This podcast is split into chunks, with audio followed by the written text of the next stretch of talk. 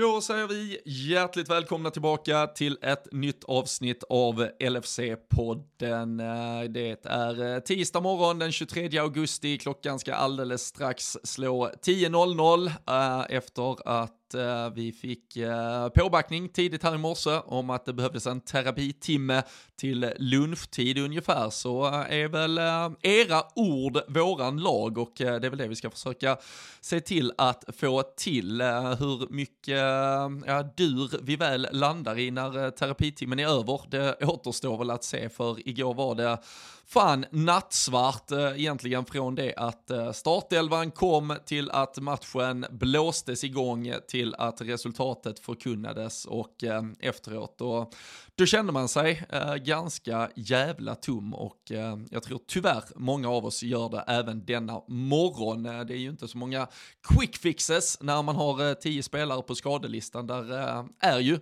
efter att vi tittar på den bänken som presenterades igår, inte supermycket för Jürgen Klopp att göra. Men eh, någonting måste han nog göra inför Bournemouth nästa, eller nu till helgen. Och eh, det ska vi väl eh, prata om eh, så eh, mycket vi kan för att landa i vad som ska ta oss ur denna hädiska form vi är i nu. Som eh, vanligt så gör vi avsnittet tillsammans med LFC.se. Eh, det är ju där ni hittar den eh, svenska supporterklubben dagligen med alla uppdateringar som ni behöver för att hänga med. Och nu är det ju en vecka kvar, lite drygt på transferfönstret och ja, Tittar man på vad som har presterats spelmässigt så borde det finnas fog för aktivitet de här avslutande dagarna. Vi eh, kan väl också eh, pusha upp lite för eh, helgen som oavsett då om det fotbollsmässigt inte alltid är så jävla kul så ska vi i alla fall ha en eh, jävligt trevlig helg i Karlstad. Det är ju Liverpool Masters, det är golftävling, det är paddeltävling och vi nämnde LFC.se, supporterklubben kommer finnas representerade i form av eh, Pelle Enberg, LFC-podden, jag och Danne sticker dit och eh, där kommer ju även vara ja, men resebolag, där kommer att vara Sam Dodds på plats och, och många andra. Så ett stort jävla Liverpool-community kommer ju att ses på ja, men på lördag och framförallt eller, ja, hela helgen eh, som det ser ut. Så eh, vi får väl fokusera på det man eh, gjorde för eh, 10-12 år sedan som supporter. Det var ju bara gemenskapen och att dricka öl. Då fanns det ju heller inga framgångar att fira. Men vi hoppas att vi snart ska komma tillbaka på winning ways och eh, hur vi ska ta oss dit, det ska vi diskutera i eh, detta nya avsnitt av LFC-podden.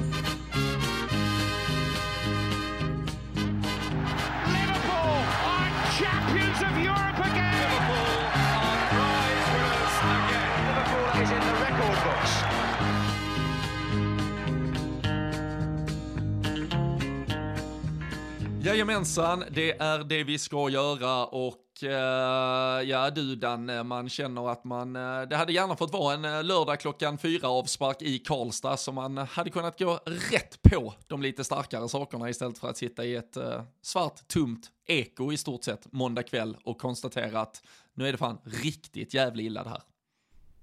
Ja men eh, absolut. Det är ju både Vi kommer ju komma in på matchen och, och lite hur den utspelade sig Men alltså redan eh, Ja men redan innan matchen får man ju en ganska tung känsla med eh, Konstaterandet av hur vi dels ställer upp laget. Jag menar nu, nu hade vi ju vad vi hade att jobba med Men det är ju kanske det som är problemet lite som du nämner här i introt också Att det är ju ett transferfönster kvar Eller en, en tio dagar ungefär kvar av transferfönstret Eller någon vecka här. Så att nu gäller det nog att agera. Vi är väl inte kända för att agera i, i panik direkt. Men jag menar tittar man på våran på våran bänk igår och eh, på våran startelva också. Delvis givetvis mittfältet framförallt då så så undrar man ju hur eh, Klopp och, och FSG kan liksom tycka att det, det, det känns rimligt att eh, ställa upp som ja, men titelutmanare får man ju sätta oss i, i det facket från början i alla fall. Men liksom tre omgångar in så Känner man ju snarare att det handlar om eh, Om en topp 4 liksom kamp den här säsongen. För det, det gick ju Jag tycker ändå att vi tog några snäpp eh, uppåt när vi mötte Pallas. Vi borde väl ha vunnit den matchen men eh,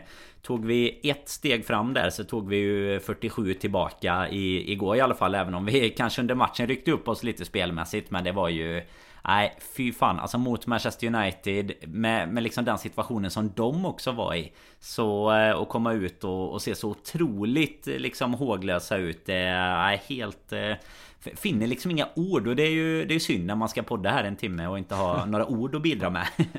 Nej, och alltså vi, kan väl bara konstatera, alltså det var, eh, det, det, var hädiskt det vi, det, vi, det vi behövde bevittna igår. Och uh, jag tycker att det finns, Alltså det finns så otroligt många sidor av eh, ett och samma mynt här och det finns eh, hur många olika infallsvinklar man kan ha i detta som helst. Och jag såg till exempel inför matchen när man ändå ville försöka eh, hitta lite positivitet. Man fick den där startelvan, man fick den där bänken. Uh, sen var det ändå någon som la ut, uh, ja men titta hur vi startade förra året mot United. Uh, jämförde mm. vi de startelvorna, då var det egentligen Joe Gomez istället för Ibrahima Konate. Det är ju liksom inte, det är inte oceaner i klasskillnad.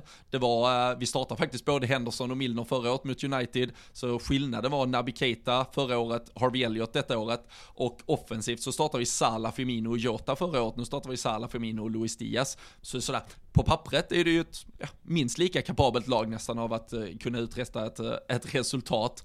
Men eh, det, det är väl också, på samma sätt som det då skulle kunna försvara att vi hade en lika stor chans att uträtta något stort igår, så tycker jag väl också att det snarare säger någonting om att Jürgen Klopp faktiskt har tvingats lite trolla med knäna för länge nu. Och, och, han kan inte behöva förväntas göra det. Vi, vi, kan verkligen, vi lär ju diskutera varför, och jag vet inte om det fanns andra anledningar till att en Fabinho inte startar igår till exempel, men det är ju det det är ju det absolut enda man ens kan diskutera utifrån ett, mm. ett taktiskt beslut som Klopp tar. Borde han ha startat honom istället för Henderson eller James Milner? Ja, det borde han ju med facit i hand absolut ha gjort. Men samtidigt så vet jag många i alla fall på sociala medier som har varit starkt kritiska till Fabinhos insats de två första matcherna. Och, eh, och så sett så var det ju inte det det var, det var ju liksom inte, det, det, stöd, det var inte som att han satte Sala på bänken och, och startade Sepp van den Berg på topp eller någonting, utan det var, det var ett ganska så rimligt beslut. Utan det är ju vilka förutsättningar Jürgen Klopp har just nu som är det absolut största problemet. Tittar vi på bänken igår så har vi alltså två målvakter. Vi har Nat Phillips och Sepp van der Berg, det är vår femte och sjätte mittback. Vi har, eh, vi har, vi har Clark och vi har Bajcetic. Det är, det är alltså, det är 17-åringar i stort sett som, som inte är, de är inte ens till, alltså de värmer ju inte ens upp i stort, alltså de, vi vet att de bara är där för att sitta och titta på. Så vi har Kostas, alltså vårt tredje byte som vi gör, det är lite så här bara för att, ja vi kan ju se om vi kan göra ett byte till, vi kastar in Kostas Emi, jag vet inte vad han skulle göra bättre än Andy Robertson de sista tio minuterna. Nej nej, jaga. Och, ja, om det ens var det. Det var typ fyra minuter att jaga, jaga mål liksom. Ja, så är det han det vi kan, han kom, det nej, vi kan kasta in. Nej, han kom in i 85 och sen så, ja, från, det, från det så rivs ju bara matchen i sönder ändå. Så det, han är väl liksom i, och han gör det katastrofalt dåligt när han kommer in också, så jag vet inte fan vad som händer. Men skitsamma. Men, så vi har ju inga möjligheter och vi, vi står med en vecka kvar. Och det är ju heller inte så här att, tittar vi på den skadelistan vi har just nu, är ju ingen av dem som är aktuella att vara tillbaka mot Bournemouth. Det är ingen av dem som är aktuella att vara tillbaka mot, mot Newcastle så att säga. Så nu kommer matcher, från och med nu så går vi in i en period där vi spelar matcher två gånger i veckan i stort sett hela vägen fram till VM. Det är många matcher de här spelarna kommer att missa. Och att där tycker jag, eh, alltså, så här, FSG in, FSG out, diskussionen är, jag tycker den är, den är tramsig för i det stora hela så har de varit helt otroliga ägare. Alltså de, de har gjort det bra, de har skött klubben fantastiskt. Men att inte ge förutsättningar till världens bästa fotbollstränare, eller kanske världens bästa fotbollstränare, att på riktigt ta upp kampen med, när du har faktiskt till 90% så har du en, en startelva, en trupp som hade kunnat verkligen utmana Manchester City, men de behövde lite mer hjälp. Den hade behövt boostas. Den hade framförallt behövt ageras på när vi såg vad som hände de senaste veckorna när spelare föll ifrån en efter en efter en. Att tvinga Jürgen Klopp att starta med Jordan Henderson och James Milner på ett innermittfält i omgång tre. Jag tycker det är att pissa på världens bästa tränare och jag tycker det är att ge han helt horribla förutsättningar för att kunna lyckas. Och vi kan prata mycket om Manchester United som ska protestera mot sina ägare och allt möjligt. Jag vet hur mycket problematik det finns kring deras ägandeskap, men du kan också bara bryta ner siffrorna och se hur jävla mycket pengar de har pumpat in i den här jävla klubben också. De har värvat för 2-3 miljarder sedan förra sommaren, alltså de har fått förutsättningar, Jürgen Klopp har fan inte fått några förutsättningar alls och till slut kommer tiden komma ikapp en tränare som inte får medel till att göra om och eh, göra rätt på de positionerna där det tydligen och uppenbarligen inte räcker till. Mm. Och det är väl det som är den, den stora skillnaden som eh, du är inne på det delvis då Det är ju att eh, de eh, förutsättningarna Klopp väl har jobbat med om man säger så Det är ju att eh, vi har ju egentligen bara tagit in spelare som han tycker verkligen kanske passar in i det, det systemet vi vill spela och, och liksom i hans typ av fotboll och, och det är därför det kanske också har blivit så pass framgångsrikt Även om vi har gjort såklart stora värvningar under tiden också Så är det ju om man jämför med Med egentligen alla toppklubbar då sett till, eh, till netspend och sådär så ligger vi ju ligger vi bakom. Och det är ju alltså med de de förutsättningarna som klubben bör ha efter de framgångarna som vi har haft Både givetvis sportsligt men i samband med det blir det ju också ekonomiskt. Då tycker man ju att mer bör återinvesteras även i en bredare trupp för att eh, Alltså som sagt sitta med med den här truppen och den här bänken i omgång 3 Alltså det var samma i omgång 2 egentligen. Och jag menar tittar du precis som du säger på skadelistan Så är det kanske inte så heller att det är någon som förväntas komma tillbaka. Det närmaste Det är inte heller Alltså Jota såklart in i en fronttrio där och kampa Men det är inte så att han är solklart i och för sig just nu kanske solklart före Firmino Men, men från start av säsongen är inte solklart före. Och sen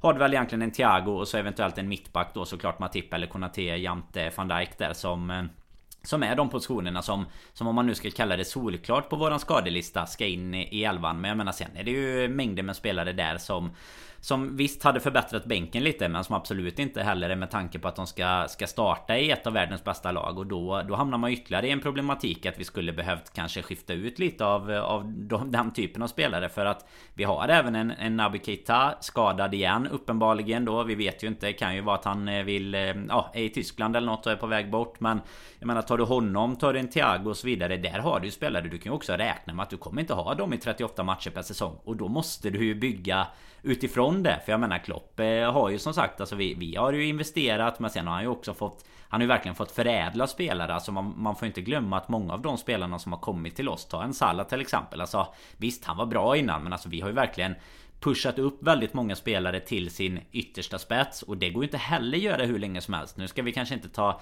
Ta Salah som exempel för han fortsätter ju bidra liksom med poängproduktion oavsett eh, som, som igår när han kanske är relativt osynlig i övrigt men eh, Många spelare har ju liksom bara presterat och presterat och presterat Kanske på verkligen på toppen av sin förmåga och i så pass lång tid att man ju hela tiden måste också växla ut. Vi har en Dia som kommer in. Vi har förhoppningsvis en, en Darwin Nunes som kommer in och, och, kommer liksom ta över någon sorts eh, mantel ifrån gamla fronttrion också. Men eh, det är ju frustrerande att se för vi nämner Costa Simikas. Men sen har du också alltså bytena vi ändå då innan det ska göra för att och liksom få till något där. Det är ju en, först en Fabinho in och jag menar det är ju inte heller direkt den du du byter in för att jaga mål och sen eh, med all respekt då Carvalho byter du kanske in för att jaga mål Men det är ju också en spelare som är precis i starten av sin Liverpool-karriär och dessutom Alltså inte precis i starten av sin seniorkarriär men alltså nä nästintill tänkte jag säga. Så han är inte Han ska ju inte behöva komma in och, och vara den som vi ska behöva lita på i ett sånt här läge. Utan nej det är eh, Spelmässigt igår alldeles för dåligt och truppbreddsmässigt tyvärr igen då också eh,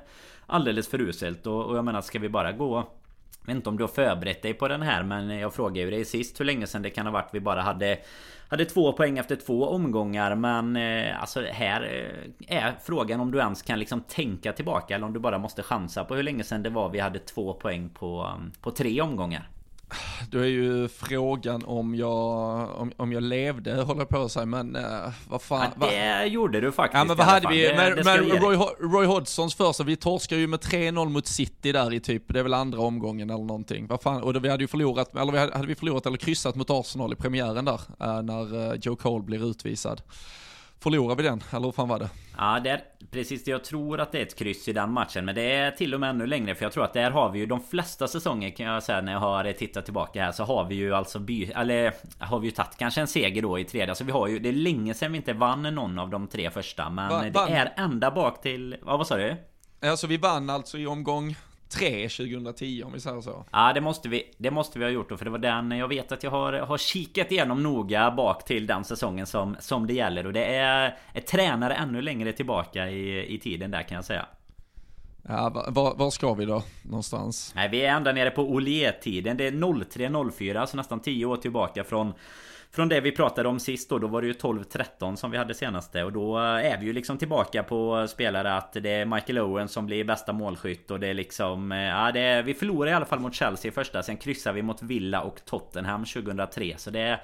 Det är ja. tufft att konstatera att det är nästan 20 år eh, tillbaka i tiden för att vi ska ska komma till, till lika illa. Sen vinner vi tre nästföljande matcherna efter det. Så vi får väl hoppas att det är ett gott omen då om något i alla fall. Ja, för jag kan säga 2010, även om den då faktiskt, den var lite bättre, jag tittar på den nu, men den, eh, den, eh, tar, sig, eh, den tar sig deppigare form därefter däremot. För då hade vi faktiskt, vi tog som du säger, vi vinner den tredje matchen, det är mot West Bromwich hemma. Då vinner vi med 1-0, så vi har ju faktiskt fyra poäng efter tre omgångar. Därefter så följer dock 0-0 mot Birmingham, förlust mot United, kryss mot Sunderland, förlust mot Blackpool, uh, förlust mot Everton och uh, sen vinner vi först igen i vad som blir typ omgång 10 mot uh, Blackburn med, med 2-1. Så ja, vi får väl se om det blir Houllier-nivå eller Hodgson-nivå. Det är i alla fall nivåer vi inte har varit, eller varit i behov av att prata kring Jürgen Klopp-laget om tidigare. Så uppryckning... ska du tänka tillbaks på hur, ska du tänka tillbaks på hur länge sedan det känns i alla fall så är det samma säsong som vi värvar Letalek och Sinama Pongol. Så då får man en liten, eh, då får man en liten sån här känsla av hur, hur länge sedan det kan ha varit i alla fall. Ja, för fan. Harvey Elliot och Fabio Cavallo var inte ens födda. Otroligt. men, eh, och jag vet inte om du såg, det, det la jag, la ut en tweet nu, men vet du när vi senast ledde en match i halvtid? Om vi fortsätter på quiz-spåret. Jo men det såg jag nog nu när du säger att du la ut en tweet. Det var Valborg skrev du igår va? Det är ju ett bra tag sedan. Newcastle eh, borta på eh, St. James' Park. Eh, efter det så, så har vi ju ah, sju raka ligamatcher där vi har, ja, vi har ju för det första legat under, sen i några av dem så har vi hunnit kvittera innan paus. Så jag tror det är, vi har haft fyra underlägen och tre kryss i, i just paus. Och så addera till det att vi låg under mot Villarreal på bortaplan i andra semifinalen. vi hade ju inte inte. Det var ju 0-0 som eh, fa kuppfinalen blev innan eh, straffavgörandet mot Chelsea. Och sen då så, eh, visst det var, det var oavgjort, men underläge mot Real Madrid också i Champions League-finalen. Så Andy Robertson sa ju det efter matchen att det börjar bli en ganska dum idé det här med att ge alla lag ett måls försprång så snabbt och nu är det ju, alltså, vi, det, det är ju ett uppenbart problem kring att Mittfältet hänger ju inte ihop på något jävla sätt. Försvaret brister ju på väldigt många sätt. Alltså de fick ju Manchester Uniteds kontringsspel att se ut så, alltså Scott McTominay såg ut som eh, prime eh, De Bruyne i stort sett och deras djupledshot blev ju exakt så bra som, det är väl första året Mourinho har United va, när han sätter eh, Rashford mot mm. en väldigt, då, liksom, det var ju en Trent Alexander-Arnold som knappt var torr bakom öronen den gången och, och då såg man ju verkligen hur de utnyttjade det hotet och, och straffade oss. Det var väl också senast vi förlorade, för det är väl 2018 vill jag minnas, men eh, därefter eh, så eh, Alltså, så, men sättet vi hanterar matchen igår och det hänger ju inte i samman med Allison är ju fortfarande nivåer ifrån var han var förra säsongen. Van Dijk ser ju helt lost ut, mittfältet. Och det känns ju lite som den här, ingen litar på den andra. Alla tycker att Alltså, styrk, alltså styrkan i ett lag är ju att få varje enhet att, alltså en, ett plus ett blir tre. Nu är det ju ett plus ett blir ju fan en halv Ty. Alltså de, de litar ju inte på varandra, så även om de är duktiga fotbollsspelare så är de ju inte beredda att, de tror ju inte att nästa spelare klarar av det. De vill inte ge boll, de vill inte ge ansvar till varandra. För ingen har förtroende för någonting som sker där ute på planen. Nej, nej men exakt och det är ju, man märker ju att eh, det är samma egentligen typ av eh, av attack som United gör ju som, som Zaha lyckades så bra Eller Esse och Zaha mot eh, Pallas där och sen eh, som du nämner det är ju den Det är väl, ja vad blir det? Det måste ju bli en eh, 4-5 år eller till och med mer kanske till, Tillbaks till den matchen med Mourinho För det var, jag såg det innan matchen Det var ända på 12 raka matcher egentligen oss emellan då Som United hade vunnit Så att nu då 2 på 13 med med den här segern också. Och vi, det innebär ju att vi har, vi har haft ett sånt liksom både mentalt men givetvis också kvalitetsmässigt eh, övertag på, på den klubben så pass länge. Och eh, Nej trots att eh, de ju hade börjat säsongen som sagt helt katastrofalt också så, så kommer vi ju ut och eh, alltså de, de är väl såklart uppumpade av att de har lite revanschlusta lite som att vi pratade om tidigare så har ju liksom de kanske nu Delvis då den här matchen men sen också att de behöver komma igång under Ten Hag Men delvis då Liverpool som motståndare som liksom Den här ska vi i alla fall eh, ge, ge oss fan på att vinna och, och ge i Men då, då känns det ju uppgivet att vi ska behöva se våra spelare liksom komma dit och bli ja, men typ bli förvånade av det och sen dessutom då som eh, Som vi säger här alltså statistiken sjunde raka där vi, där vi släpper in ett mål i början och Eller ja, inte i början men Ger dem en fördel i alla fall. Och, eh, och sen kommer ju alltså ytorna igår Uppstår ju alldeles alldeles för enkelt. Det är ju såklart för att mittfältet Spelar som de gör igår och det ser inte tillräckligt bra ut. Men sen även tycker jag mm, Alltså att både, både Trent och Robertson egentligen släpper mycket ytor Men alltså en van Dijk som ser ganska Ganska loj ut Han får ju en utskällning av Milner där efter första målet Det är väl inte just bara den, den situationen. Men jag menar de, de, de kommer inte riktigt upp i den nivån Som vi ju har varit vana och kunnat förvänta oss av dem. Och vi har ju inte heller Släppt dit de ytorna innan och nu börjar det ändå bli blir lite av ett mönster här. Alltså som sagt nu är det två raka matcher där, där de egentligen bara... Det är ju bara en passning upp, en skarv eller liknande för att... Eh, ja men i stort sett komma i ett friläge mot Alisson. Mm. Och så jäkla enkelt ska det absolut inte få vara. Jag menar då... Det, det, det kan ju även sämre lag prestera om man säger ja, så. Herregud. Då, Ja och vi har ju kommit upp till, jag menar för sämre lag i Premier League nu är ju ändå Är ju tillräckligt bra för att kunna attackera oss på det sättet Jag menar det, då gäller det att vi har den liksom ja, sharpnessen på våra backar för att, att slippa då kanske då en, en Fabinho som sköld istället. Nu kan man ju bara spekulera i hur det hade sett ut istället igår men eh, nej det, nej, det saknas ju definitivt något där. Ja och där kan vi ju bara titta på mot, mot Fulham. Visst, det är, i slutändan är det van Dijk som ger bort straffen och det var ju billigt som fan. Men där är det ju Henderson som står och dräller på, ja men utanför deras straffområde i stort sett och, och tappar boll som blir en omställning och så så behöver vi plocka ner Mitrovic. Eh, vi pratar efter Pallas-matchen hur Fabinho kliver upp i, i en yta där det känns som att Trent ändå har någorlunda koll på Esse. Det hade varit lättare att falla tillbaka en eller två meter och, och stänga av hans, hans möjlighet att driva fram boll och sen sätta den passningen. Där går han bort sig helt och igår så är det ju direkt uh, patetiskt när, när Jordan Henderson uh, inte lyckas ta ner en boll på mittplan som istället då bara dimper ner på foten och, och sätter Rashford i, i ett friläge, det som blir uh, 2-0 målet. Och det, Alltså det var ju, och det var, alltså det var flera gånger till där de alldeles för lätt på mittplan bara får stå och, och leta in bollarna. Och för allt som Virgil van Dijk är helt fantastisk på så, så vet vi om att, ja men bakom honom med tanke på att han vill stå högt, med tanke på att han vill ha laget på den plats där han vill ha det så, så kommer det alltid vara lite yta bakom honom. Och får lag slå den bollen helt perfekt då kommer vi bli straffade. Varje gång ett lag bara kan slå den med 90% i precision, då kommer han antagligen kunna reda ut det, för den vet vi, alltså den styrkan, snabbheten och eh, säkerheten i att ja, plocka upp sin anfallare i det läget, den, den har han. Men oavsett kvalitet, alltså vi vet att alla Premier League-lag är tillräckligt bra för att när de får alltså, jävla oceaner på det mittfältet till att lägga in bollar bakom en backlinje, då kommer de sätta den och då kommer de straffa oss. Så, så just nu hänger inget ihop. Och det var ju uppenbart, alltså visst nu är det, det är Milner som eh, till slut tiltar på van Dijk och eh, man kan väl ja, undra vad fan han står och gör vid, vid det målet till slut när han har frusit fast på något sätt och, och Milner och Alisson kastar sig åt varsitt hörn och det är,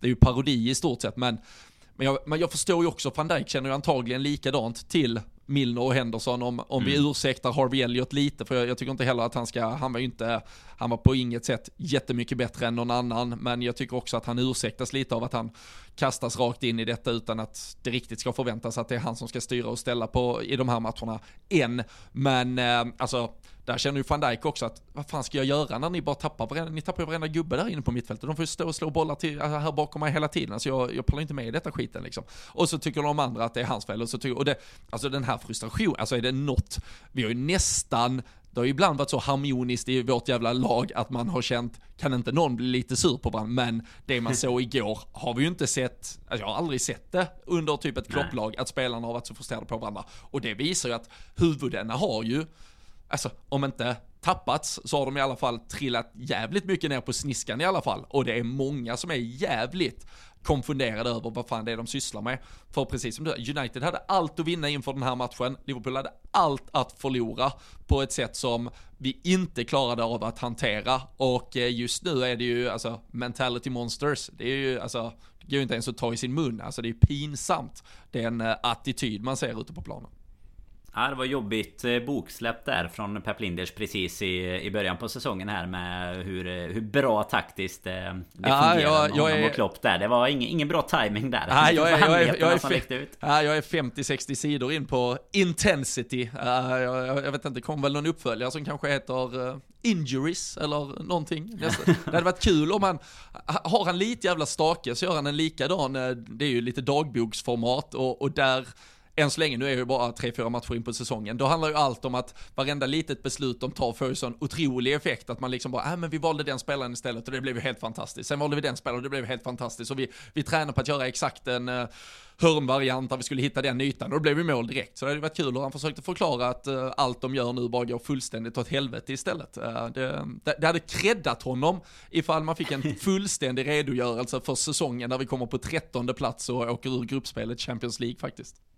Ja, man hoppas ju inte att det springer runt något litet eh, all or nothing eh, team här bakom kulisserna nu och, att det ska släppas ut någon, eh, någon sån typ Being Liverpool dokumentär här nästa år. Men alltså det är som du, som du nämner det tycker jag. Så det är, det är precis som du säger första gången man ändå känner under Alltså under matchens gång kan varit något enstaka tillfälle när spelare har liksom Ja inte rutit till men eh, ja, snarare haft, haft liksom diskussioner på planen Men här är det ju verkligen vid, vid flera tillfällen man både ser att de är uppgivna Man ser att Klopp eh, ropar på Allison när han lägger undan bollen bara What the fuck are you doing? Typ och, och sen så har du ju Tycker jag också ganska många situationer Mellan backlinje och eh, Allison igår där jag tycker att det är så här du, du vet kortpassningsspelet och sådär där de inte känns synkade överhuvudtaget Som de alltid gör annars. Han kommer ut och de kommer för långt ner och sådär. Och jag menar har du, tar du målet isolerat där det första där när, när Milner ryter till efteråt så, så kan man ju också Skulle man ju kunna sätta sig i van Dijks skor och verkligen förstå varför eh, han skulle ryta lika mycket tillbaka som du är inne på. För att Alltså släppa den ytan när de kommer ner på kanten och, och en boll kommer snett inåt bakåt och både Bruno Fernandes egentligen står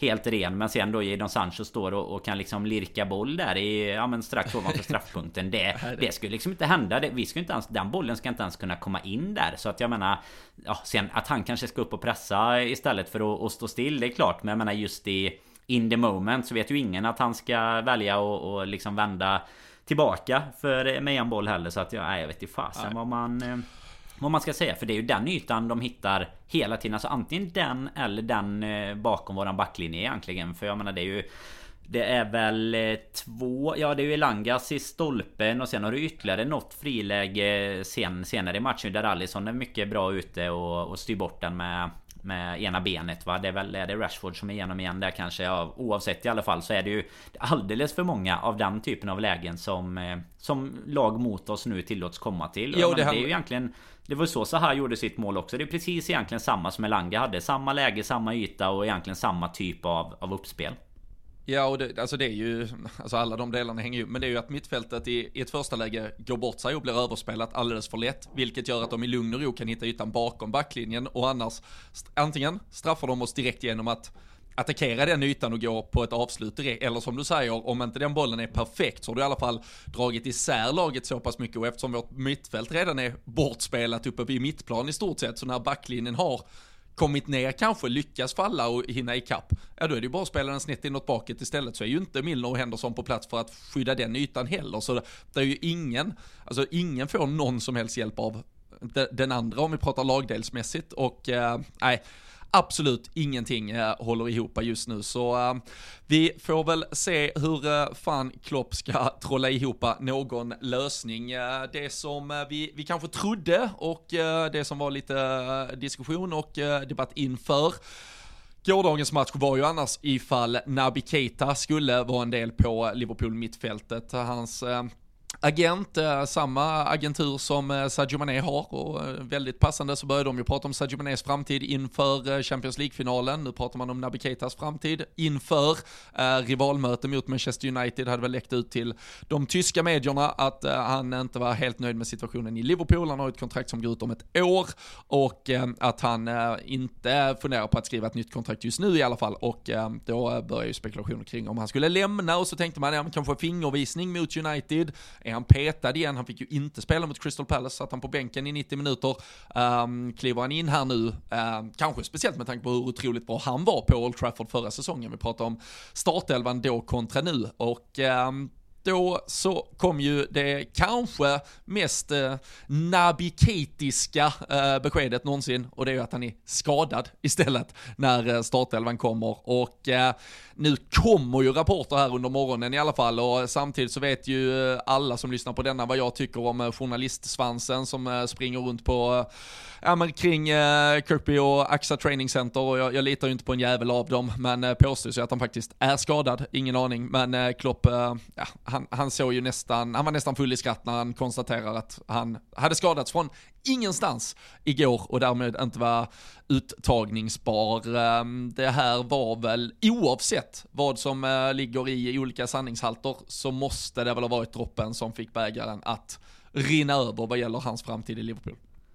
Ja men det känns ju så. Framförallt som du är inne på så var ju tanken, tanke, första tanken igår var ju att det givetvis bara är Som, som alltid om någon är på väg bort. Alltså att han är, han är skadad men egentligen sitter han på en, ett flygplan någonstans Eller liksom på någon annan anläggning och ska krita på. Men eh, Som du säger så kommer ju ganska mycket rapporter här i morse om att det, det faktiskt är en skada. Och då är han liksom skadad från alltså någon ny ingenstans i, i den här matchen. Han hade ju någon sjukdom, någon illness stod det ju bara i första matchen mot Fulham som gjorde att han inte kunde spela. Och så och så inte med mot Crystal Palace då av, eh, men av taktiska skäl istället så att eh, att det börjar bli dags att eh, part ways med Naby Keita det, det tycker jag. Det blev inte vad vi hade hoppats på. Det vi vet minns att han var utnämnd till årets flopp av Robin Bylund någon gång där i början när det, när det aldrig riktigt begav sig. Och sen så eh, kändes det väl flera gånger som att Liverpool-karriären skulle kunna komma igång. Men nu känns det som att vi vi förhoppningsvis tittar på alternativ eh, till mittfältet redan eh, innan han eh, har försvunnit eller inte. Men sen,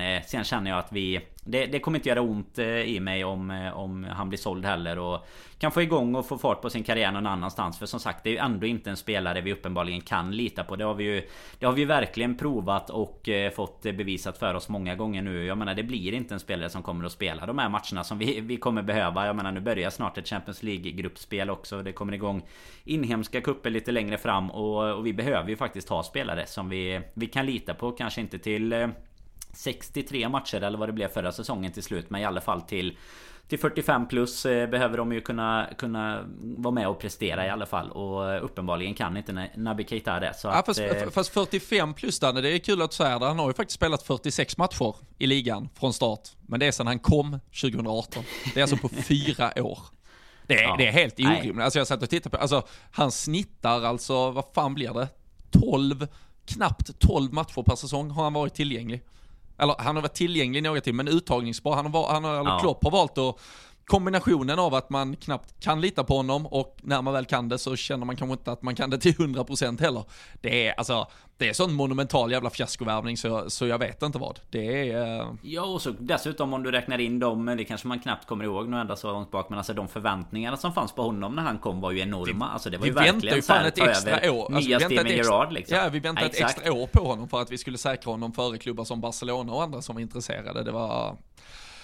Nej, fy fan att det inte har eh, blivit, och, och nu det, det, absolut värsta, alltså jag satt ju, alltså jag, jag var fan, jag var jävligt fine med att han potentiellt uh, fejkade en skada eller det bara var liksom uh, lite rökridå kring det när det kom. För det var så här, okej, okay, då vinkar vi farväl till honom. Alltså då har vi i alla fall mm. nått vägs ände. Det är ju skönt. Då är det out, vi börjar höra Klopp prata lite i samma termer. Jag såg någon som hade jämfört en eh, intervju i, från slutet av det där januarifönstret när vi till slut, även om det inte var kanske de bästa affärerna vi gjorde, men när vi plockade in Ozan Kabak och Ben Davis för att till slut få lite, uh, åtminstone, uh, ja, men, uh, potentiell ja, mittbacksförstärkning uh, i ja, 2021-säsongen när allt uh, höll på att barka åt helvete där.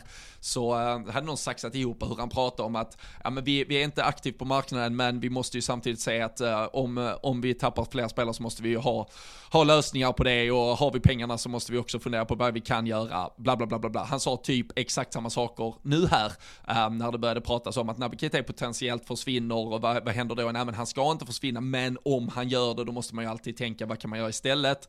Det har också uh, ryktats ganska mycket om en uh, Moises Caicedo till exempel från Brighton, att han då skulle, och då känner man ändå, okej, okay, nu, nu har han fejkat bort uh, det sista, nu, nu kommer vi säga hejdå, och då kommer vi antagligen plocka in typ Moises Caicedo till exempel, eller, eller någon annan. Jag tror fortfarande inte det, det blir liksom något uh, Jude Bellingham där, även om Dortmund är ju fan i samma situation, alltså Bayern München har redan vunnit ligan i Bundesliga, så varför inte göra det nu? Vad fan ska ni vänta på? Men skitsamma, men om det nu är så att han faktiskt är skadad, då vill ju ingen jävel köpa honom nu. Exakt. Precis på samma sätt som, för det kände jag också, med, med all respekt, nu, nu tycker ju folk inte man får säga, men jag, jag säger så här, ligatiteln är, är över. Alltså vi måste också vara verklighetsförankrade, vi måste också fokusera på, på nya saker. Vi kan inte gå för ligatitel, vi ska gå på att Andy Robertson pratar, vi kan inte tänk, tänka ens alltså framåt så, vi måste tänka på att vinna nästa fotbollsmatch och sen får vi se vad som händer därefter. Men realistiskt så, så är det inte någon ligatitel vi slår så. Och varför inte, då hade vi till och med om vi hade haft fler spelare friska, hade Naby Keita varit frisk, hade Oxlade till exempel varit då hade det varit perfekt läge att sälja båda två nu. För vi kommer inte vara i en situation där vi behöver samma truppstyrka längre fram, utan den här säsongen kanske vi får acceptera att det blir lite ombygge, det blir lite förändringar som ska ske redan. Och vad fan, men som sagt, nu sitter alla skadade så vi måste ändå behålla allt jävla skit sittandes och bara liksom casha in pengar det här kommande året. Och så kanske det då gör att vi inte, ifall det nu handlar om att vi var tvungna att frigöra nettopengar för att värva, kan vi då inte värva, ja då är det vi fast med att James Milner ska starta igen mot mm. Bournemouth eh, till helgen och det är ju Återigen, jag tycker det är, ett, ja, det är ett hån mot Jürgen Klopp att han ska behöva starta de här spelarna när han med lite, lite mindre medel bara, alltså hade han bara fått lite medel tillgängligt så hade han fan kunnat uträtta de, de stordåd som faktiskt det här laget hade förtjänat att uträtta. Ja det är tungt också när man eh, såg efter, efter matchen igår var det någon, eh, jag kommer inte ihåg vem det var men som skrev på Twitter att eh, det är fel lag vi satt och höll på i City Newcastle där att vi skulle kämpa om, om de platserna. Det är Newcastle vill ju aspirera på någon topp 4 position och... Men då var väl kryss ju, perfekt kanske? Eh, ja det kan ju varit så. De lyckas ju knipa en pinne till slut även fast de hade en 3-1 ledning där. Det var ju... Då satt man ju fortfarande och drömde om att ah, nu kunde City tappa något poäng här och så slår vi United. Det hade man ju redan eh, räknat hem och packat ner i fickan. Kanske lite, lite dumt precis som spelarna verkade ha gjort när de kom in på arenan. Men eh, nej nu... Det är precis som du säger. Alltså jag är inne på samma spår. Vi var väl inne på det lite redan i början av säsongen. Men det, det får man ju inte... Alltså det är ju lite väl tidigt kanske men nu efter tre matcher och man har två poäng då, då får man ju konstatera att eh, det inte bara Alltså problemet är inte bara i poängkolumnen liksom Utan det är ju precis som du är inne på Alltså truppbredden. Det är vilka vi behöver ställa ut på planen och sånt Jag menar ställer ut den Den startelvan i alla matcher i Premier League Så är det inte säkert att du vinner liksom eh, de eh, Ja men egentligen då de 35 som är kvar Men ja om man, om man egentligen går runt så så att du har ju det, det är ju i vanliga fall hade det ju varit så i alla fall med Med en bra Alltså ta ett City till exempel. Okej de tappar poäng mot Newcastle Men de kan ändå räkna med att de kommer vinna de flesta matcherna Med den elvan Med de spelarna och sådär som de har att tillgå. Men riktigt så säkra kan vi absolut inte vara. Även om vi såklart ska, ska ta nya tag på På lördag hemma mot Bournemouth i alla fall Då uh, om, jag, om jag är orolig nu så kan jag säga att ett poängtapp där då då blir jag jäkligt orolig Robin faktiskt. Och det, det, är väl tur som du nämnde här i början att både du och jag och eh, många med oss kommer att, att mötas upp och bli, bli kanon i Karlstad helt enkelt. Eh, det är kanske det som behövs nu för att få igång säsongen.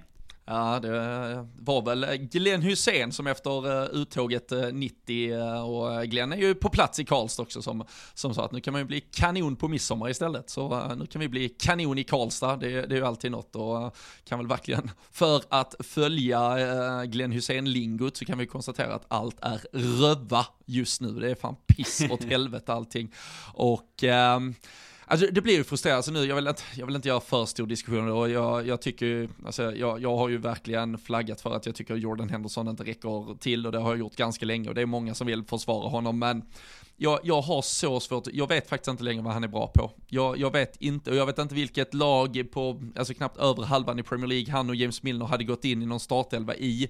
Um, jag tycker inte de håller kvalitet, jag tycker de dessutom det finns inget mer frustrerande än att se spelare som, om vi ska vara ärliga, de, de är faktiskt spelare 10 och 11 i den här staden. De är de två svagaste länkarna och ändå är det de som är mest vokala. Alltså jag förstår att de har någon, något, någon, någon ledaregenskap i sig som gör att de vill sparka igång laget genom att eh, skrika och gorma och skälla. Men det blir, det finns inget, alltså det, fan det kan vara ner på korpen nivå, men det finns inget värre än att se, alltså den sämsta spelaren i laget, springa runt och klaga på allt och alla vad fan man ska göra. Det, jag har varit den sämsta spelaren som sprungit runt och klagat, jag vet hur jävla pissigt det är när man eh, sen tittar på det i efterhand. Och, och lite så känns det just nu. De, de springer bara runt och, och, skriker och har sig, men de har ju ingenting att bidra med. De, de kan inte förändra en matchbild för det här laget. Och jag, jag, jag blir frustrerad. Alltså att, att Jordan Henderson var så dålig, med tanke på hur dålig James Milner var, att Jordan Henderson då var så dålig så att han var den som plockades ut istället när vi väl skulle plocka in Fabinho, det är anmärkningsvärt. Att Fabinho inte kommer in i paus, det är också jävligt anmärkningsvärt, för vi såg de här problemen tid. Och det tycker mm. jag, det frustrerar mig från ja men alla de här matcherna, vi pratade om det efter Fulham-matchen att något hade behövt ske på det mittfältet då och istället så kommer Thiago ut och går i sönder efter typ fem minuter. Vi, vi pratade om mot Palace att vi hade behövt göra förändringar där det, det görs inga förändringar utan istället så hinner vi få ett rött kort och sen är allting kaos innan vi ska börja göra förändringar. Igår så, så hinner då Jordan Henson ge bort även 2-0 innan vi gör förändringar. Och sen står Klopp och pratar om efteråt, ja men eh, vi var på väg in i matchen men sen är det ju synd att vi släpper Ja fast du valde ju trots allt att behålla den här jävla farliga, alltså det var en livsfarlig spelare att ha på planen igår. Han var ju inte bra, han, han dög inte. Du kunde gjort förändringar men du valde att inte göra den. Så det, det är också självrannsakan jag, jag saknar lite att att, att se på, sen vet jag att det är klart inget han ska göra i media, men du kan heller inte, ja, du kan inte heller gå i samma, göra samma misstag och det, det är på mittfältet vi har förlorat alla de här tre matcherna. Sen vet jag att mittfältsalternativen är få, men eh, ja, valen han har gjort har, har inte varit rätt i alla fall. Och kanske borde man ha förändrat eh, alltså startuppställningen och spelet. Vi, vi pratade om det redan efter att vi, vi fick mittfältsskador kring, eh, kring inledningen på säsongen, att en 4-2-3-1 kanske är vägen att gå. Vi kanske måste göra något helt annorlunda. Vi kanske inte har styrkan till att spela en 4-3-3 med ett, alltså ett defensivt ankare. Vi måste kanske vända på den lite, måste kanske ha två som sitter och skyddar vår backlinje, men det har man inte valt att göra. Är det naivt? Är det bara dumt? Är det, jag vet inte, är det en övertro på sin egen spelidé? Men att man inte förändrar någonting eh, och gör samma sak gång på gång, det är väl Einstein som äh, ja, myntade det begreppet om att äh, det, det, det, är väl det största tecknet på idioti, att eh, göra samma sak gång på gång på gång. Ja och dessutom du nämnde lite om övertro och sånt där. Jag menar om du tar, tar in det här till övertro på, på kanske ett system. Det, det tror jag väl fortfarande ska, ska funka med rätt eh, spelare på plats. Men alltså däremot eh, de, de spelarinsatserna och kanske en eventuell övertro på de spelarna som vi i så fall har. För jag menar och sen en Roberto Firmino Nu har vi ju inte så mycket alternativ att tillgå. Det, det har vi mycket väl konstaterat men det är det var inte bra eh, i, igår. Och alltså det, det passar ju definitivt inte in i matchbilden heller att han kommer ner och, och han försöker att hämta upp boll som defensiv mittfältare. Du har en eh, Trent som inte alls har kommit upp i, i nivå hittills i den här säsongsinledningen. Och det finns finns många därtill som man förväntar sig så extremt mycket mer av men eh, du nämner ju två av dem som, som kanske är nummer 10 och 11 där Henderson och Milner och lite samma sak där egentligen. Alltså när vi har så många som inte kommer upp i nära den nivån som, eh, ja, som Klopp givetvis eh, hoppas och förväntar sig. Men, eh, men som vi andra också såklart förväntar oss av dem så så ser det ju alltså mörkare ut än att vi bara har, har liksom lite poängtapp i början på en säsong. Utan eh, nej det, jag såg att just Fischer där som efterfrågade en terapitimme Han hoppades ju även att vi skulle lämna något något litet ljus i tunneln Robin men ja fasen det blir, det kan, det kan det blir tufft, glömma. det blir tufft att hitta. Det, blir, det blir tufft att hitta mer ljusglimtar än att i alla fall är Bournemouth hemma på lördag. Det är liksom Det är det vi kan hänga upp oss på att det i alla fall är en match som Ja men som det, det, kan bara bli ännu värre helt enkelt om vi skulle Skulle tappa något ytterligare där och få hoppas att den kickar igång säsongen. Men Nej, det finns eh, förhoppningsvis andra saker att prata om i veckan innan, eh, innan dess. För eh, någonting kommer ju behöva hända. Så, så enkelt är det ju. Får väl ja. se här med Naby Keita med. Men lite som du är inne på. Han lär ju inte han lär ju inte lämna om nu skadan är, är verklig utan då sitter vi ju istället med, med ytterligare dödkött på uh, cykeln i, i rehabrummet där. Det, det är trist att, att behöva konstatera i alla fall. Det, det hade väl varit ypperligt läge annars som du, du nämner. Både han och Oxlid och några till kanske bli, bli av med dem istället. Men eh, nej, det det är en kämpig situation. Jag tycker det kan bli lite intressant nu att se. Vi, vi nämner ju att de eh, kanske tappar huvudet lite mer än vad vi är vana vid att se i gårdagens match. Kommer bli jäkligt intressant att se nu vad... Ja men både hur det ser ut liksom spelmässigt, hur det konverseras utåt. För vi har ju haft... Alltså det är ju jäkligt enkelt att vara positiv när det går bra och det är liksom harmoniskt och alla klappar om varandra och Trent och Robertson kan tävla i vem som ska göra 13 eller 12 eller 11 assist eh, nästa säsong och sådär. Men eh, det blir intressant att se hur, eh, hur gruppen och Klopp och, och hela liksom klubben egentligen hanterar ja, men de första Alltså ska inte kalla det de första riktiga motgångarna för att förlora finaler och så är ju också givetvis tuffa, tuffa motgångar Men då är man ändå i finalen. Jag menar nu är det Det första gången vi ändå känner någonstans att vi Utöver då under, under covid där vi tappade varenda hemmamatch var det 6-7 raka typ som vi tappade mot bottengäng men Nu, nu kommer det också med liksom publik på läktarna sånt påverkar ju också så att nej vi Klopp pratade väl om det efter matchen att nu, nu behöver vi liksom på, på lördag behöver Anfield eh, vara där och, och ställa upp och, och sådär Men eh, lite tuffa kommentarer tycker jag annars efteråt som, som du är inne mm. på där när han pratar om liksom, han, han pratar ju både om att eh, ena målet möjligtvis offside och han pratar om att vi borde ha vunnit matchen och det är först när man har den här typen av av lite motgångar även som supporter. som man börjar känna att fan inte Inte ut och prata i det där snacket. Alltså gå ut bara och konstatera att äh, fasen det här var inte tillräckligt bra. Eh, det, förstår att han lätt blir eh, en, en enkel hackkyckling hos motståndarsupportrar med med facit i hand när det är efter en sån här insats man kommer ut och säger så. Ja, och där tycker jag, alltså, för det tycker jag för att det, det måste man väl, alltså så här, marginaler, eh, man förtjänar marginaler någonstans och det, vi, vi, har, vi har dem mot oss i, i den eh, alltså, potentiella offsiden till, till 2-0 uh, och uh, vi har alltså Fernandes när han uh, håller på att göra självmål och den studsar på Martinez, den kan ju, antingen så går den bara rakt in eller så studsar den på hans arm istället och då är det ju rött, mm. potentiellt rött kort och, och straff istället. Och vi har ju två, tre lägen där de Gea gör eh, riktigt bra räddningar. Så här. Men, det, alltså, du, vi får, det var ändå, fast att vi är liksom om så nära att göra mål, när du väl tittar på eh, hur, hur bolljäveln rör sig, så var det ju spelmässigt inte en match där vi kändes nära att göra mål. Det känns snarare som att våra huvuden är på helt fel ställen. Och, och återigen, släpper du alltid in 1-0 efter en kvart, ja, att du alltid ska göra två mål mot alla lag, det, den offensiven har vi inte, det har vi också pratat om här tidigare, så så nej, där finns, där finns för många egna bekymmer att adressera innan man försöker eh, gripa halmstrån kring eh, så här, what could have been. Det, det är jag jävligt eh, ointresserad av att höra nu. det, det, kan vi prata om när vi vinner med 2-0, kan vi säga, ja, men det här var ju en match som vi kunde ha vunnit med 5-0, för vi, vi skapar ju hur mycket som helst. Det, det är jätteintressant att, att titta på hur hög högsta nivå vi i så fall kanske, kanske har och som vi kan bygga vidare på. Men när du, när du förlorar på det, på det här sättet, när det framförallt är det är en inställd för där ska jag, nu tror jag ju ingen Manchester United-supporter sitter och lyssnar på detta, men man märkte ju att de var otroligt glada igår och så här, det ska de ju vara. Alltså ni, ni vinner över Liverpool, man vinner över en rival och framförallt som du sa, det har, det har varit kräftgång i de här mötena länge, men vi var riktigt dåliga. Vi har haft ett riktigt dåligt mittfält som har blivit överspelat mot både Fulham och Crystal Palace redan också. Så de får inte tro, äh, alltså så här, jag ska inte tipsa dem vad de ska göra, men de ska nog inte tro att de har vunnit över Prime, eh, varken Prime Liverpool eller ett eh, Prime Real Madrid typ här och att det bara är att köra exakt samma sak nästa match så kommer allt gå av bara farten. För de kan åka till ett Southampton borta på lördag och få det jävligt mycket tuffare på den mittfältsmatchen än vad man fick mot oss. Eh, så så det, det, är nog inte heller det, det, var många som drog växlar, alltså, Ten Hag stod väl och sa att uh, it was a fucking good game eller någonting ja. från det. Alltså, så här, ja, alltså var glada men uh, det, det, var också en fucking bad game från, uh, från vårt mittfält och många andra.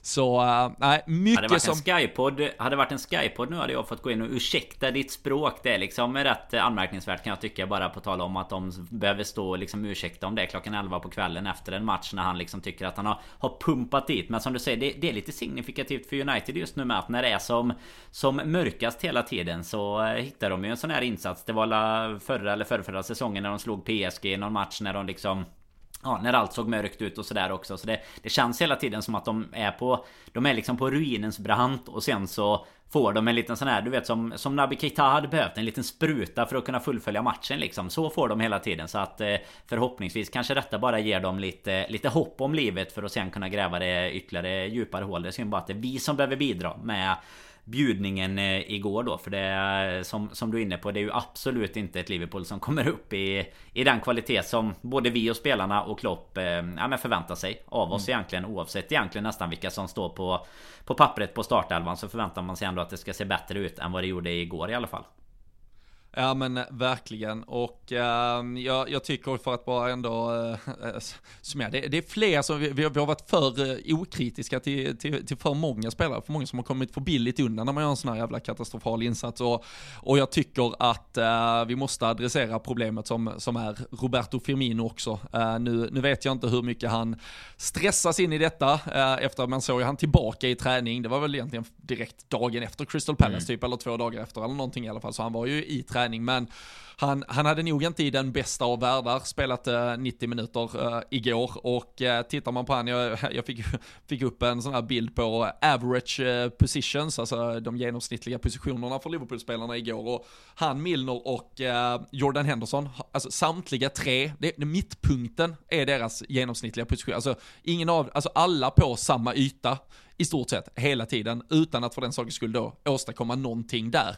För ingen av Milner och Henderson kan ju transportera en boll, så hela tiden så försöker Firmino komma ner där och göra det och då är han ju för långt ifrån, då, då är det ju ingen uppspelsfas för honom att vända sig mot med den bollen heller. Det är ju det här lite jag har känt kring, sätter du en 4-2-3-1, nu finns det inget alternativ kanske som en striker istället, men då hade han ju kunnat vara den spelaren som länkar upp, men om han både ska vara den, alltså, den yttersta uppspelspunkten och samtidigt vara den som kommer ner, det blir ju är det alltså, man, man, får titta på den där jävla bilden med våra eh, positioner igår, för det, det jag kan säga, utan att, uh, alltså min, min tränargärning sträcker sig till ett jävligt bra pojkar 8-lag i bara GIF, men sådär ska fan inte en uh, average position se ut för 11 spelare i en Premier League-match, det kan jag säga i alla fall. Nej men det har ju fungerat. Alltså tiden det fungerade på var ju också när eh, vi hade både en Mané och en Salah som kommer in Kommer in bakom hans position egentligen. Och också i matcher där Där vi möter ett lag som jag tycker, alltså ett Manchester City ett eh, Real Madrid eller någonting. Alltså ett, ett lag som ändå är på spelmässigt samma nivå. Inte ett lag som vi alltså ska Ska liksom dominera med boll emot. Då, då tycker jag inte att vi får ut någon direkt funktion av det. För då är det precis som du är inne på. Alltså då tappar vi snarare en, en nummer 9 längst fram. Och nu, jag tycker i och för sig att alltså jag såg att en del började till och med eh, slå på liksom Sadio Mané sakna klockan igår. Men jag tycker väl att Diaz är en väl god eh, ersättare och kan komma in i, i lika mycket positioner eh, bakom så. Men det känns som att vi, vi gör inte, alltså både Diaz och Salah känns också, nu vet jag inte, nu har inte jag sett den bilden så jag kanske säger fel här, men det känns också i alla fall som att de kommer mycket längre ut på kanterna än vad Mané och Salah ofta gjorde när Firmino spelade. Alltså då, då kom han ner och så kom de in i de positionerna lite mer centralt istället. Men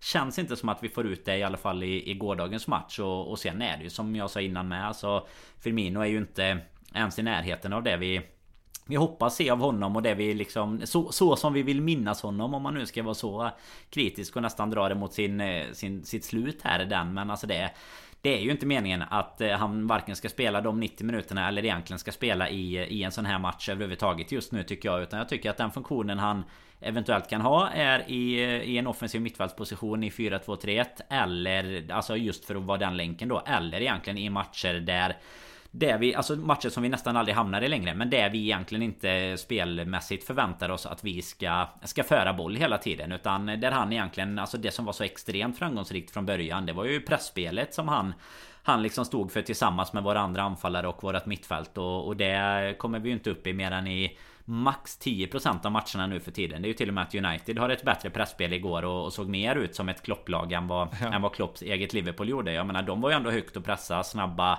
Snabba yttrar en, eh, Alltså Rashford var högt upp och pressade någon mittfältare som hjälpte till. Så jag menar det är ju ja, många som har studerat honom och till och med lyckats att sno den eh, typen av av spel mot oss. För jag menar det är ju uppenbarligen det som funkar på både oss och på ett Manchester City också. Det är bara att kolla vad Eddie Howe gjorde. De Newcastle pressar högt. Alltså då har en Saint Maximin som var briljant i den matchen. Och då lyckas de också ta poäng. Även om Citys skillnad tycker jag framförallt mot oss just nu. Det är ju att de, de i ett sånt underläge ganska snabbt liksom kan koppla på. Och så gör Gör de två mål på fem minuter eller någonting. Det är eh, där man känner att vi när vi hamnar i ett underläge framförallt när 2-0 kommer så känner man att det här är ju kört. Alltså vi kommer ju... Ja ett Nej, mål, alltså... vi kan ju alltid, vi kan alltid kvittera Men alltså när det är 2-0 så känner man bara tack, godnatt och skiter i om det var offside eller inte egentligen För det, det är bara så dåligt att vi förtjänar inte bättre eh, Nej, exakt. Alltså, det, mål liksom Nej alltså jag, jag önskar, alltså, och det var väl någonstans då, Det var ju i en period när man ändå var När man, när man konstant utsattes för uh, svaga Liverpool-prestationer Då kunde man ju också sitta och bli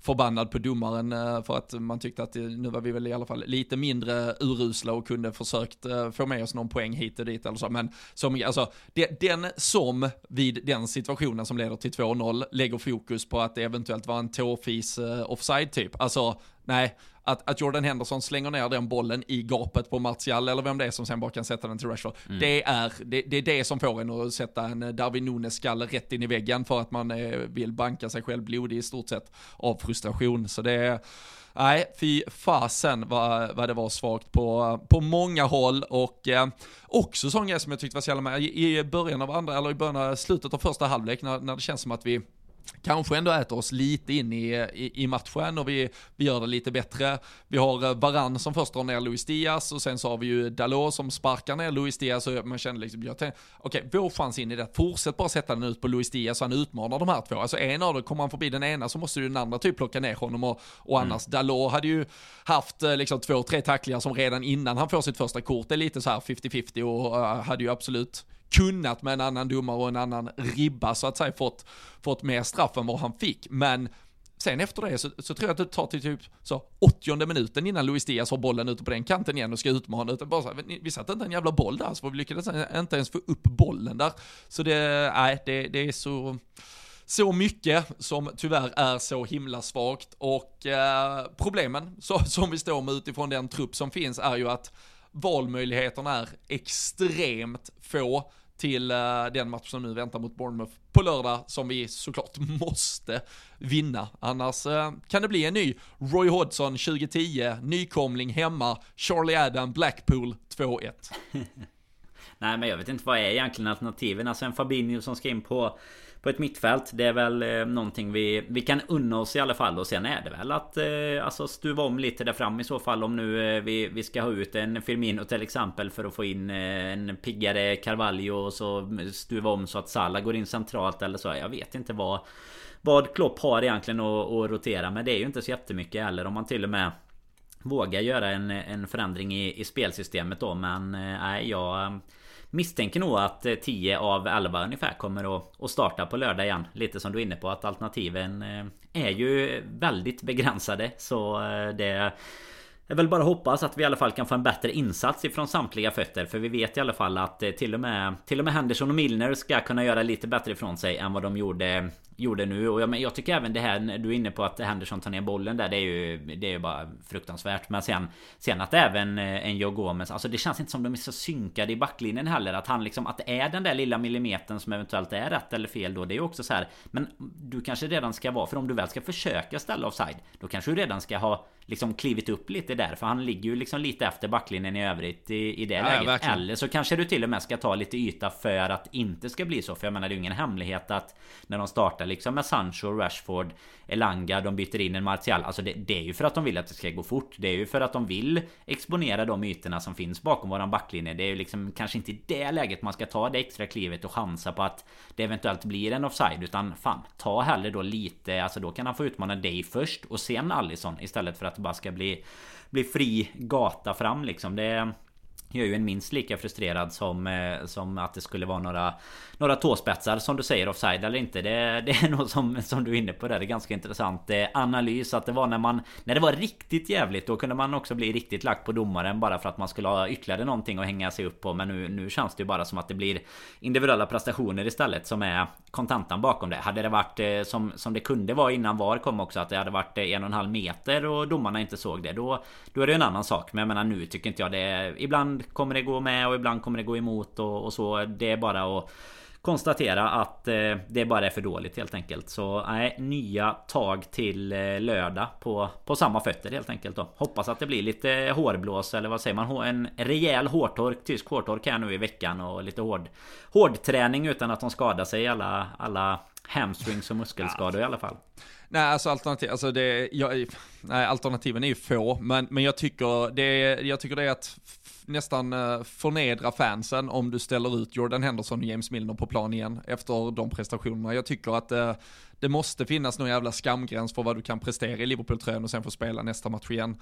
Det, ehm, och jag vet verkligen inte om eh, ett tremannamittfält med Fabinho, Harvey Elliott och Fabio Cavallo är är görbart. Um, samtidigt är det någon gång det eventuellt är görbart så borde det vara hemma mot uh, världens sämsta jävla Bournemouth. De såg riktigt jävla dassiga ut faktiskt mot, uh, mot Arsenal här senast. Så Uh, kanske, uh, samtidigt betyder det ju i alla fall att från trion får ju vara intakt i så fall. Uh, och eh, Firmino som, som även han var väldigt, väldigt svag skulle i så fall vara kvar. Um, kanske någon eh, uh, 4-2-3-1 uppställning annars eh, som du var inne på där man skulle kunna peta ut Harvey Elliot till höger, sätta Salah centralt, sätta Firmino bakom honom och ha Luis Diaz till vänster och då är ju frågan, ja Fabinho in på det tvåmannamittfält, men att ha Fabio Cavallo på ett tvåmannamittfält, eh, det, det, det har jag svårt att säga att det händer. Eh, så då ska ju i så fall Henderson eller Milner fortsätta mm. spela antagligen. Um, där finns ju heller inga alternativ i i backlinjen. Så det, det, är ju på nivå där man hade börjat fundera på, hade vi haft en, uh, alltså en, en ersättare till Trent så är det ju kanske nu det där steget upp på mittfältet skulle, skulle kunna ske i en testmatch bara för att se vad han kan uträtta därifrån. Tittar man ju på de här positionerna så har han ju kommit in uh, mycket mer centralt i banan. Det, jag minns inte om det var här vi pratade, det var i något sammanhang vi pratade om det, att jag tycker det, det är ju synd, alltså Salah är ofta längre ut och så, och så är Trent längre in. Jag, jag hade ju gärna sett att det är Salah som kommer på, på insidan och, och mm. Trent på utsidan istället. Men ska han nu ändå spela så centralt, ja då kanske någon annan hade kunnat komma springande på den där högerbacksplatsen. Men där har vi ju skada på Calvin Ramsey och vi lånar ut Conor Bradley till exempel, så det är ingen heller som kan ersätta och spela Tsimikas eller Robertson på en högerkant. Nej, det kommer nog inte ske. Joe Gomez kan vi inte putta ut till höger för vi har ingen annan mittback att sätta in. Så det är ju, det är ju, det är ju ytterst begränsat. Det är väl kanske tredje keeper Harvey Davis vi får skicka in på topp. Det har jag ju sett Halmstad BK göra mot MFF någon gång på typ tidigt 00-tal här på stadion i så här, sista sju minuterna. Slängde in uh, sin uh, andra keeper på topp för att jaga nickmål i slutet. Men uh, nej, det är det är inte många val, men uh, jag, jag hade nog fan gått på en 4-3-3 med, med Harvey Elliott och Fabio Cavallo framför Fabinho. Bara för att markera mot att Henderson och Milner inte kan stå där och gorma och tro att de har någon jävla stående plats i en startelva bara för att någon har röstat fram dem till lite kaptensmaterial. Det är en eh, Corker man eh, saknar på bänken nu bara för att kasta in på topp. Det var väl det närmaste vi kommer att kasta in våran eh, reservkeeper i alla fall. Vi kanske har en... Det är kanske därför Sepp van den Berg sitter där. Men då borde han ju fått komma in i... Igår i så fall om hans huvudknoppande skulle, skulle bidra till någonting. Men alltså. nej, det är som sagt... Det, det, jag håller ju med dig om att det är alternativ. Alltså det, det ska ju vara så i en klubb som... Alltså egentligen vilken klubb som helst i Premier League. Att gör du en en alldeles för dålig insats så ska du ju inte kunna belönas med att få spela igen. Alltså det spelar nästan ingen roll om du är, Bournemouth i läget. Liksom det, det, är en så pass hög nivå. Och jag menar i ett Liverpool ska det ju verkligen inte få hända. Sen tror jag väl att Minst en av dem kommer vi ju få se. Det, det vågar jag det, sätta, sätta spåkulan på spel där. Att eh, det inte båda kommer försvinna. Men eh, gärna att, eh, att en i alla fall byts ut då. Och eventuellt ett formationsbyte. Då är det som du nämner. Då, då kanske det räcker att sätta en jämte Fabinho i alla fall. Men tror väl faktiskt att vi, vi, vi nästan får vara rädda för att, att se båda två på planen igen. För jag tror inte det blir ett formationsbyte. Och jag tror Tror som sagt att 10 av 11 spelare typ kommer att, att starta igen. Och, och det är ju inte Ja, men det är ju inte okej egentligen. Det, alltså, så, det är bara att konstatera. Inte ett lag som ska vara med. Inte ens ett topp 4-lag. Alltså om vi ska vara med och utmana om det. Om vi nu inriktar oss på det. Så det är bara att titta på vad de andra lagen värvar och... Eh, Ja men egentligen vad de har för trupper. Jag menar nu har vi ett Arsenal som har har inlett starkt och, och liksom det är ju, alltså jämför du många spelare där så, så är det ju faktiskt så att börjar, de, börjar man väl få igång en del så börjar ju det, Alltså det är ganska lätt om, om du ska jämföra trupper. Jag menar vi har varit så stolta och varit så precisa i liksom vad vi har fått ut av våra spelare och hur bra det har sett ut. Men sen det går ganska fort att någon lämnar, någon går ner sig lite och sådär. Så kan du liksom börja jämföra spelare för spelare och sen helt plötsligt konstatera att det, det kommer bli ett getingbo liksom om, om de platserna bakom Manchester City sen också. Så att nej fy fasen. Det, det är väl bara att tacka våra lyckliga stjärnor för att även de andra lagen som Chelsea och sådär åker på plumpar så att det blir väl ett eh, som sagt ett getingbo att ge sig in i sen om vi nu inte ska göra en Roy Hodgson säsong. Men eh, nej, jag nej. håller mig till den. Vad sa jag? 0 till 04 sa jag va? Där när vi tog tre ja. raka segrar sen. Så det är det väl dags för nu så att vi kan få lite, lite glädje här i livet också. Ja, vi, vi får väl eh, hoppas. Och jag tycker det, det får väl bara vara avslutningen och det, det är ju det som jag tycker det är synd att det potentiellt ligger Jürgen Klopp i fatet, att han och den sportsliga ledningen har gjort så otroligt pricksäkra med, i relation till andra klubbar, dessutom då uh, budgetvänliga är ju att ta i, men det har, det har varit ekonomiskt försvarbara verkligen värvningar som vi sen har fått ut maxprestationer av som har, som har gjort att vi har nått den absolut högsta nivån och samtidigt haft en ekonomi otroligt, ja men i, eller haft ekonomi i otroligt fint schack genom hela den här perioden. Och, och FSG där hade där, hade det funnits lite mer kanske fotbollskunskap så hade du också kanske förstått, du kanske hade tittat på 20 andra toppklubbar som värvar att nej, men du, du kan inte varje gång bara värva från ett mittenskikt och sen få ut en världsspelare av det på andra sidan. Det går inte att bara gå igenom någon liten Jürgen Klopp-trumma och komma ut som världsspelare hela, hela, hela tiden. Utan du kommer gå lite fel ibland, du kommer behöva värva en extra ibland och eh, där ser vi ju ett Chelsea som, ja man plockar in en Koulibaly, en Cucurella, en eh, Raheem Sterling och pratar som en Anthony Gordon eller en Rafaleao nu för liksom dyra pengar också. Eh, ett Spurs som, som plockar in en Richarlison, en Perisic, en Bissouma.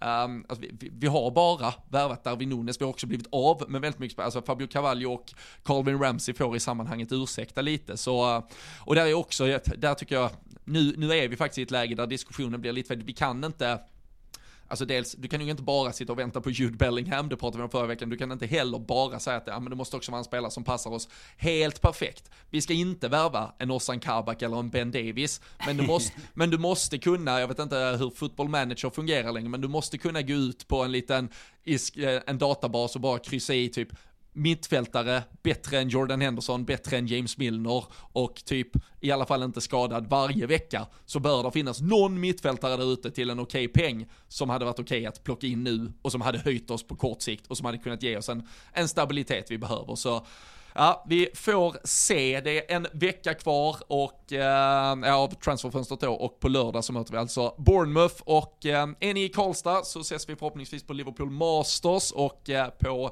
hotell Gustav Fröding. Eh, jävla eh, gille det kan bli om, eh, framförallt om solen ska vara framme. Då blir det poolhäng och pilsner Danne. Oj, det hatar oj. vi inte i alla fall. Så Nej, det ska också bli... en storbild där ute ryktas det om, om, om vädret tillåter ju. Så att eh, bara hålla tummarna för att det alltid är soligt i Karlstad. Det känns på något sätt som att alltid är soligt i Karlstad. Ja, men det har aldrig varit det typ, men... Nej, eh, nej det, det, är inte många, det är fan inte många vägar som bär till Karlstad, men uh, till helgen så ska vi se till att dyka En gång om året, precis. En gång om året så bär alla vägar till Karlstad i alla fall. Så, så är det verkligen. Och uh, oavsett uh, hur ni tror det går på lördag så vet ni att ni kan gå in på patreon.com slash LFC-podden och uh, tippa resultatet, sista målskytt och minut för sista mål så är ni med och tävlar om schyssta priser från Sam Dodds. Vi, Eh, även om det tar emot, så gratulerar vi Peter Lundqvist som eh, tippade 2-1 till United igår. Eh, han, han har väl helt enkelt insett var vi befinner oss verklighetsmässigt och det, det är väl också dags för både Klopp, FSG, allihopa att rycka de där skygglapparna och hålla koll på vad fan som händer där ute så att vi inte tappar mer fart. Men på lördag hoppas vi att vi kommer ut med tre poäng på Anfield mot Bournemouth och efter det så hoppas vi såklart att ni är med oss och lyssnar in nästa avsnitt också av LFC-podden. Nu eh, trummar ju säsongen vidare full fart. Det är Champions League-lottning på fredag också, så när vi väl kommer tillbaka med nästa avsnitt så finns det massvis att plocka ner. Men eh, tills dess får ni ha en underbar vecka och så hörs vi och ses vi snart igen.